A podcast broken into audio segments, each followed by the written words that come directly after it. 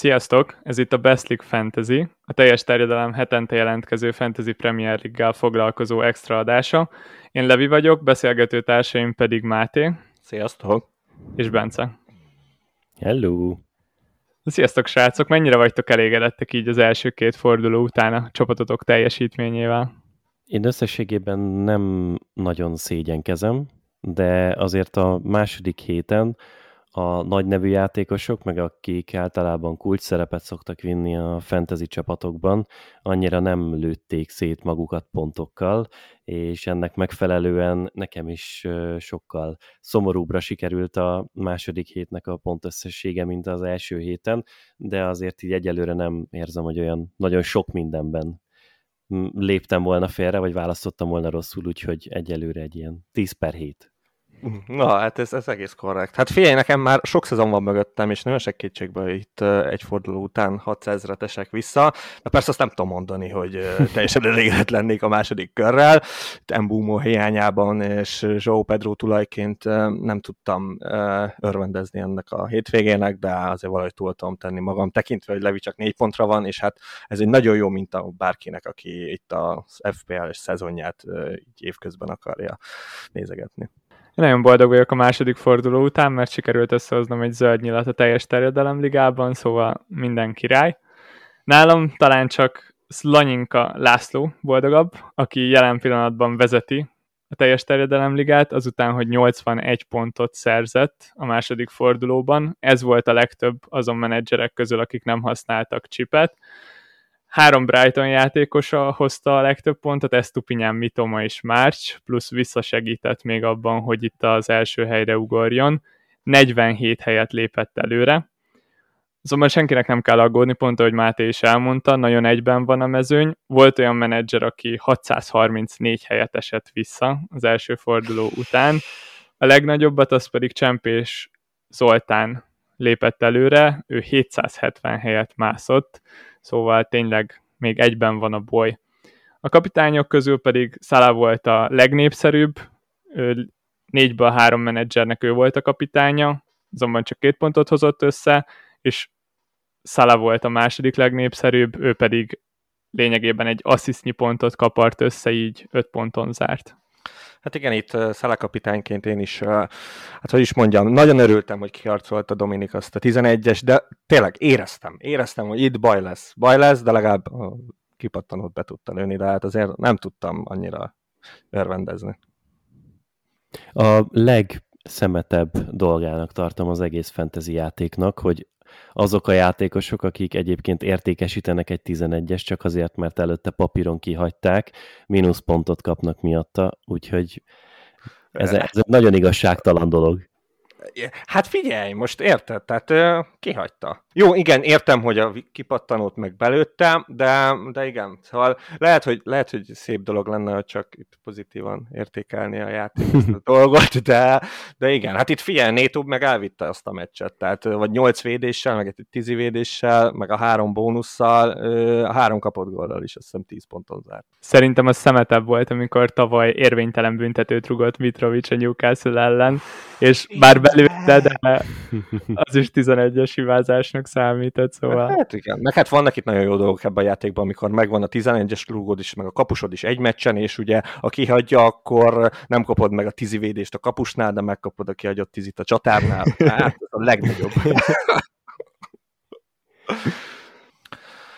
És hát én pedig itt ennek az adásnak egy ilyen oktató részének kicsit a, a cserékrendszeréről szeretnék beszélni, ugyanis szerintem nem annyira egyértelmű, főleg, hogyha az emberek itt nem olvassák át a, a szabályokat, mert hát forduló fordulóra ugye kapunk egy-egy ingyen cserét, csere lehetőséget, amivel szabadon tudjuk változtatni a, a csapatunkat, persze az árazás letartva, viszont ha az első forduló után nem cseréltünk, akkor ugye most úgy állunk, hogy két csere lehetőségünk van, viszont ezek már már nem nőnek tovább. Tehát ezt mindenkinek itt még egyszer elmondanám, hogy ha, ha ebbe a fordulóba se akar cserélni, akkor a következő fordulóban már nem három csere lehetősége lesz, hanem ugyanúgy megmarad csak két csere lehetőségnek. Tehát itt lényegében majd, hogy nem van egy kötelező cserénk, bármennyire is jól áll a csapatunk. Szerintem egyébként nem szokott ezzel probléma lenni, tehát valamilyen cserét mindenki tud ezzel találni, de ha meg véletlen itt rosszabbul állnának a csapatok, akkor meg van egy ilyen lehetőség is, hogy ezen a két csere lehetőségen túl le, ugyanúgy lehet cserélni ebbe a játékba, viszont az már mínusz négyet ér, ezeket szoktuk a mínusz négyes cseréknek nevezni, amit igazából a szabad kereten túl végzünk el, amit itt megad a játék, tehát magyarul az FPL négy pontra értékel egy cserét. Összességében ti már itt gondolkoztok adott esetben mínusz négyeken, vagy, vagy még az, az a két cserét is nehéz előnötök? Én nagyon szerettem volna valami váratlant kérdezni tőletek, még mielőtt elküldtétek azt, hogy miről fogunk beszélgetni, mert én nekem most van egy ilyen feloldatlan csere problémám ezen a héten éppenséggel, van olyan csatárom, Evan Ferguson, aki nem volt egy túl jó húzás, mert egyelőre nem, nem kerül be a kezdőbe, és nem is nagyon látom, hogy amíg Welbeck megsérül a Brightonban, addig ő hogyan és miért kezdene innentől kezdve azt egy picit fölöslegesnek érzem, hogy ő benne legyen, viszont nincsen elég pénzem megfelelő játékosra cserélni, és közben meg szeretnék egy Embeumut mégiscsak a középpályára, és akkor onnan kicserélnék mást, a Ferguson helyett meg beszereznék mást, és akkor ilyenkor szokott elgondolkodni azon az ember, igen, hogy ez a mínusz négy pont vajon megéri-e ezt a sok bonyodalmat. Tavaly, meg tavaly előtt, ez a harmadik év azt hiszem, amikor zek, Viszonylag sokszor használtam ezt a cserét, szerintem egy idényben volt, hogy vagy 7-8 alkalommal is. Idén most próbálom egy picit profiban csinálni, többek között miattatok, meg hogy ez így létezik ez a, a podcast, amit most csinálunk, úgyhogy most nem terveztem, de győzzetek meg, hogyha ez valójában a profik között egy teljesen bevált dolog. Szerintem ez a legnehezebb része a játéknak, mert hát, hogy Máté is mondta, lényegében végtelen cserénk van, de véges számú ingyenes cserénk, és ezekkel való zsonglőrködés az, az abszolút nem egyszerű.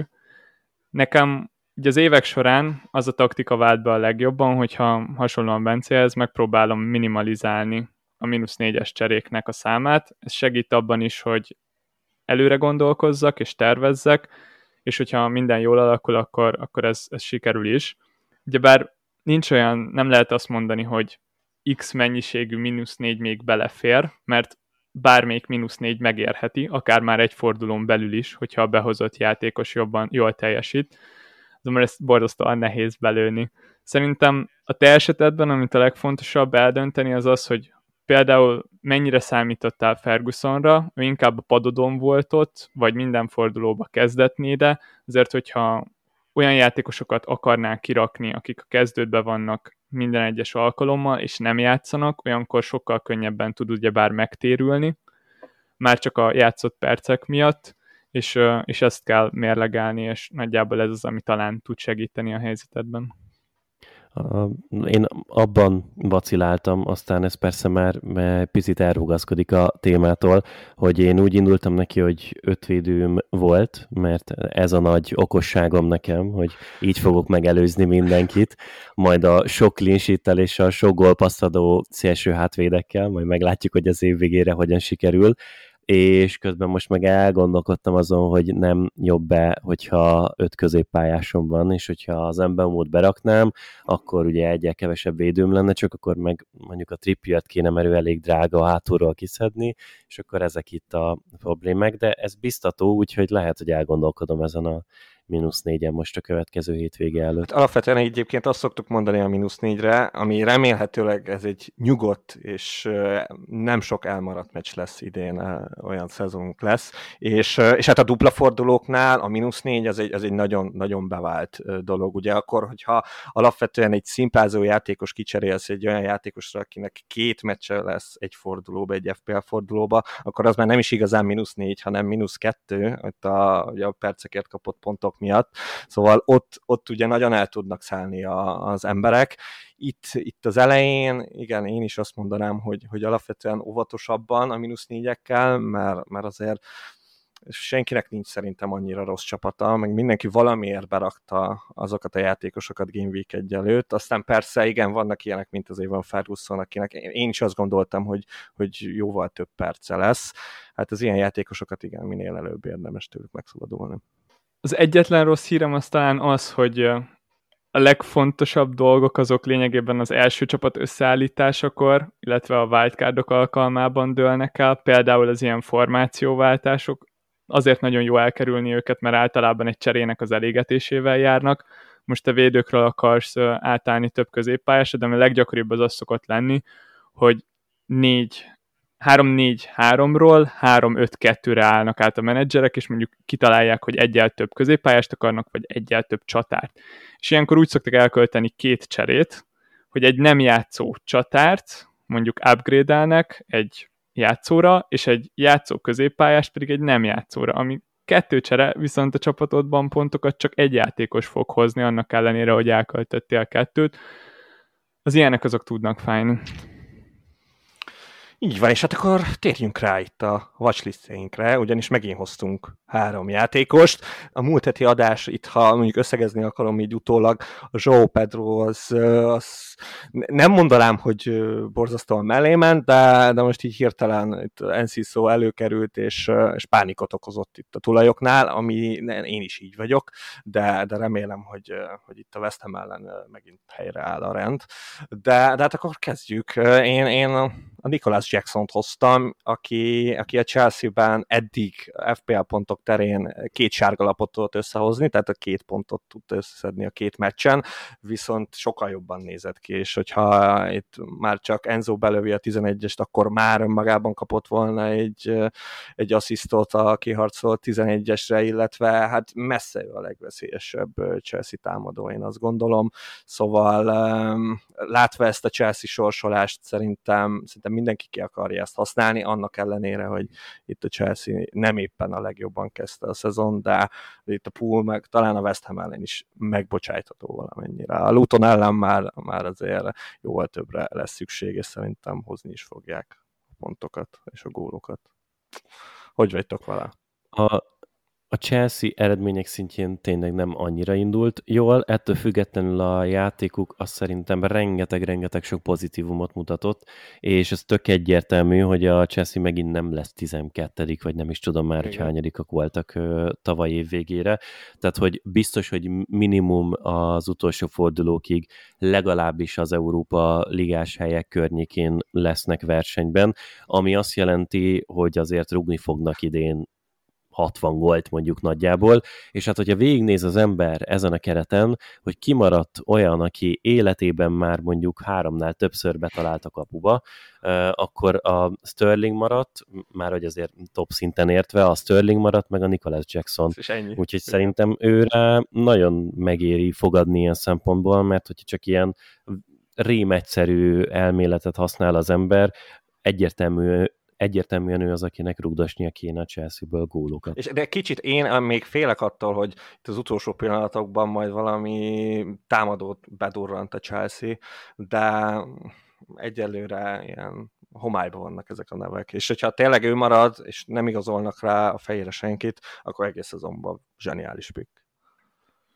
Most a következő fordulóban a Lutonnal fognak ugye játszani, ami talán az egyik legjobb sorsolás, ráadásul otthon, és a teljes terjedelem ligán belül a csapatoknak csak az ötödében van ott, szóval vele akár előre is lehet lépni, hogyha behozzuk és jól fog teljesíteni. Na hát ez jó hallani. Nagyon, nagyon érdekes, hogy ilyen kevés ember válogatta őt be. Hát azért igen, Furcsa. itt a, én is úgy voltam vele, hogy, hogy nézzük meg itt az elején, és erre pont jó volt szerintem ez a pool meg a West Ham meccs, mert ez egész Chelsea-re igaz szerintem ez, és, és látod, nem is hozták annyira szépen a pontokat, de, de látjuk benne, hogy, hogy bennük van a potenciál, és, és ezt szeretjük igazán, hogyha na majd akkor hmm. majd velünk hozzák majd a pontokat. Hát akkor én ajánlok valakit, aki még kevesebb csapatban van ott, Phil Foden, ő a csapatoknak a 4%-ában van jelen, 7,6 millióba kerül, és hát ugyebár középpályásként szerepel a játékban. Tavaly, hogyha 90 percre levetítve nézzük, akkor ő volt a city az egyik legveszélyesebb játékosa. Haaland mögött Alvarez meg Foden termelte a legtöbb XG-t 90 percre levetítve, Most a Newcastle ellen 7 helyzetet alakított ki Foden, ami a személyes legjobb teljesítménye eddig a PL-ben, a Citynek a sorsolása pedig valami brutálisan jó, egészen a nyolcadik fordulóig. Most rögtön játszani fognak majd a Sheffield-el, utána pedig a Fulham-mel, és azt érzem, hogy Gündogan és Merez eligazolásával, valamint KDB-nek a sérülésével az a legvalószínűbb, hogy Álvarez és Foden kell ezt az űrt betöltse, és valamennyire drukkolok is Fodennek, hogy ez sikerülni fog neki, mert teljesítménye az mindig jó volt szerintem, a percé azok viszont továbbra is rizikósak lehetnek, mert egyszerűen Guardiolát nem lehet kiismerni, szóval pont ezért egy rizikós igazolásnak tartom, viszont aki, aki nem bánja a kockázatot, az szerintem nagyot nyerhet vele. Sokkal, sokkal, sokkal többet fog játszani, mint tavaly. Valószínű ez lesz az első olyan éve, amikor rengeteg sok játékperce lesz a Cityben, ténylegesen a bajnokságban is, meg minden sorozatot figyelembe véve. Szerintem számokban például nem fogja se futballstatisztikai oldalról, se fantazi statisztikai oldalról hozni mondjuk a De Bruyne-nek a számait, hogyha ő egészséges lenne, de hát nagyon-nagyon-nagyon sokkal olcsóbb is egyébként a játékban. Innentől kezdve ez egy tök okos választás szerintem tényleg. Tehát a City biztos, hogy jó lesz, a City-ben neki játszania kell az elfogyó játékosok miatt, és ráadásul még marha jó meccse is volt itt a legutóbbi hétvégén, úgyhogy ez egy, ez egy egészen kiváló. Nekem, nekem itt egy gondolatom van, nem feltétlen dokutól félek, de, de itt látva a city plegykákat, meg a city érdeklődéseket, azért az mindenképpen úgy tűnik, hogy, hogy egy támadó középpályást akar a City igazolni, és ha ez megtörténik, már pedig miért ne történne meg a Citynél, akkor, akkor az majd a, itt a, jó, nyilván ez nem a következő egy-két fordulóra, hanem tényleg itt augusztus 31 után ez, ez lehet, hogy kicsit gondot okoz nála. Ez meg már ugye az ötödik forduló. Simán előfordulhat, és akkor biztos, hogy át kell gondolni azt, amit most mondtunk a, a Foderről. Szerintem amúgy nincsen olyan játékos elérhetően a piacon, aki megfelel a City szintjének, és beilleszthető lenne a csapatba így ilyen 8-as, 10-es átmenetként. Úgyhogy a, a Paketa miatt nyilván Igen. lenne egy ilyen igény a Cityben, amit ismerünk is így külsőleg, de szerintem nem fognak találni olyan játékost, akit el tudnak hozni ezért. Ha nem haragudtok, akkor tovább is megyek a sajátommal. Az Embeumot őt már itt említettük az adás közben is, és én nekem ő nagyon-nagyon tetszett az idény előtt, mert a Tóninak az eltiltásával az tök egyértelmű volt, hogy a Visszának is neki kell rugdosnia majd a gól, gólokat a Brentfordban, ráadásul ő végzi el a 11-eseket is a Brentfordban, 11-es rugókból egyébként is tök jó minél többet felgyűjtenie az embernek a, a fantasy csapatában, és ráadásul még ő középpályásként is van kategorizálva, úgyhogy egy igazi bónusz nyeremény, én ennek megfelelően megfelelően, hogy ilyen lelkes voltam. Az első hét előtt a változtatásaim során az utolsó előtti csapatban még benne volt, majd kiszedtem az utolsónál, és más raktam be uh, helyette, úgyhogy ezt most már utólag bánom, mert előző héten is van 16 pontot Igen, szerzett, Igen, vagy, vagy valami ilyesmit. Szóval az, az nagyon jól esett volna, hogyha ott van az enyém között. Amit még így eszembe jutott pluszba játékosként, hogy én őt így szimplán nézni, meg játszani annyira nem kedvelem, de James Ward-Prowse, aki meg az összes létező pontrugását el fogja végezni a West Hamnek, akik idén azzal szeretnének bennmaradni, hogy teletömködik két méteres játékosokkal a csapatot, és pontrugás gólokból bent maradnak.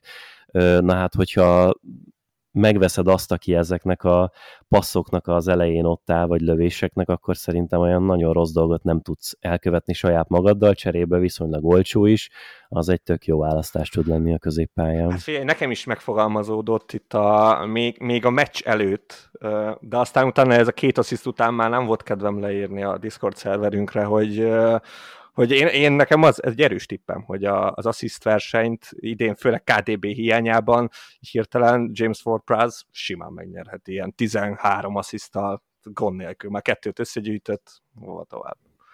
De. Mezőnyből ebből nulla lesz. De hát ez minket fantasy szempontból nem érdekel. Teljesen idegen, hogy nekem itt, ha már itt vagy, és itt már beszéltünk Jacksonról, beszéltünk Fodenről, Alvarezről egy két gondolatot mindenképpen kíváncsi vagyok, hogy mit gondolsz róla, mint FPL pick.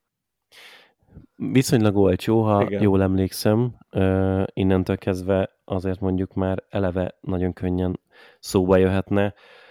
Sokat fog játszani ő is, és az biztos, hogy egészen elképesztő, hogy most a Newcastle ellen is mennyire könnyen váltott gólra egy fél helyzetet, Igen. és borzasztóan jól fejez be, tehát hogy a gólok azok jönni fognak tőle.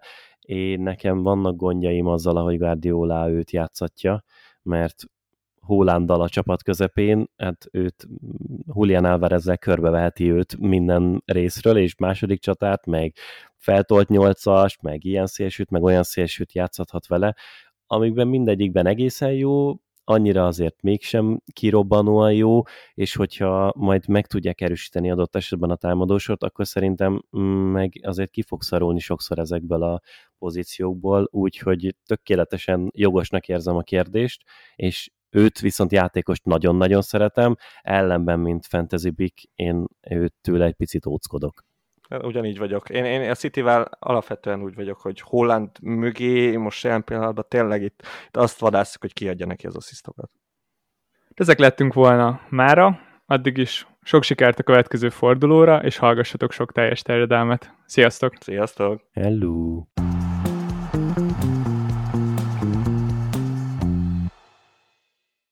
Ha más podcastekre is kíváncsi vagy, hallgassd meg a Béton műsor ajánlóját. El tudod képzelni, hogy a podcastet, amit éppen most hallgattál, fél év múlva már a mesterséges intelligencia generálja? Mi sem. De ha érdekel, eljött már a gépek lázadása. Hallgass bele az Embertelen podcastbe. Orsós Lajos vagyok, a műsor házigazdája. Egyelőre még élőben. Egyelőre. Fedezzük fel együtt, hogyan ismerkedik, randizik, mesél és vitatkozik Betty és Péter, két teljesen mesterséges intelligencia. Lajos, a podcast címét mond még egyszer, Léci. Oké. Okay. Embertelen podcast. Ez a műsor a Béton közösség tagja.